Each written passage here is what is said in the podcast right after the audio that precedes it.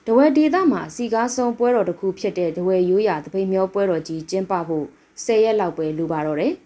။တရင်ကျော်လပြည့်နေ့ဟာတပိမျောပွဲတော်ကျင်းပနေကြအချိန်ဖြစ်ပါတယ်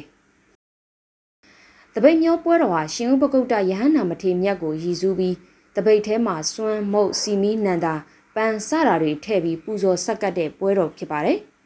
။ကိုဗစ်နဲ့အာနာသိမ့်မှုနောက်မှာတော့ အခြားပွဲတော်တွေလိုပဲတပိတ်မျောပွဲဟာလည်း6ကတ်နေတာအခုဆို၄နှစ်ထဲဝင်လာပါပြီ။တပိတ်မျောပွဲတော်ကိုမှီခိုပြီးလောက်ကင်စားတောက်နေကြရတဲ့ပြည်သူတွေမှာလည်းအခက်ခဲတွေကြက်တဲတွေနဲ့ရင်ဆိုင်လာနေရပါတယ်။အဲ့ဒီထဲမှာတပိတ်အိုးလုပ်ငန်းတွေလည်းပါဝင်ပါတယ်။အရင်ကတစ်နှစ်ကိုတပိတ်အိုးအရေအတွက်2000လောက်ထုတ်လုပ်ရောင်းချရပေမဲ့ကိုဗစ်ကာလမှာ3ပုံ2ပုံလောက်လျော့ကျသွားခဲ့ပါတယ်။ဒီနှစ်မှာတော့တပိတ်မျောပွဲတော်နီးလာတာတောင်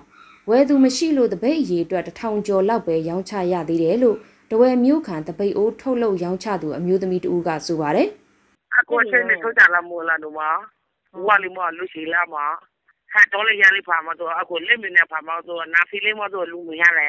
အမျိုးပေါ့အမျိုးတင်တဲ့နေတာနဲ့ထုတ်ကြလာနော်မ။တဝယ်မျိုးပေါ်မှာတင်တာမကပဲနယ်ကြီးရွာတွေမှာလည်းအလားတူပါပဲ။တပိတ်အိုးတွေမကပဲစီမီခွက်ဝယ်ယူသူတွေလည်း အာနာမသိန်းခင်ကထက်ထက်ဝက်လောက်ကြာဆင်းသွားတယ်လို့ဆိုပါတယ်။တည်င်းကြုံမီထွန်းကတငယ်ချင်းဆွေမျိုးအပေါင်းဖော်တွေနဲ့အလှပုံစီမီစုထွန်းကြတာတွေနေပါပြောက်ွယ်သွားတာကြောင့်စီမီခွက်ဝယ်ယူသူတွေလည်းရောပါလာခဲ့တာလို့ဆိုပါတယ်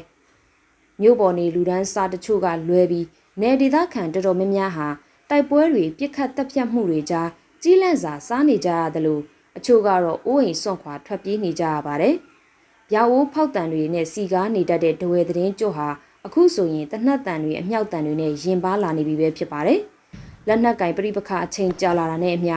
ပြည်သူတွေရဲ့လူမှုစည်းဝါးဗတ်ပေါင်းဆောင်က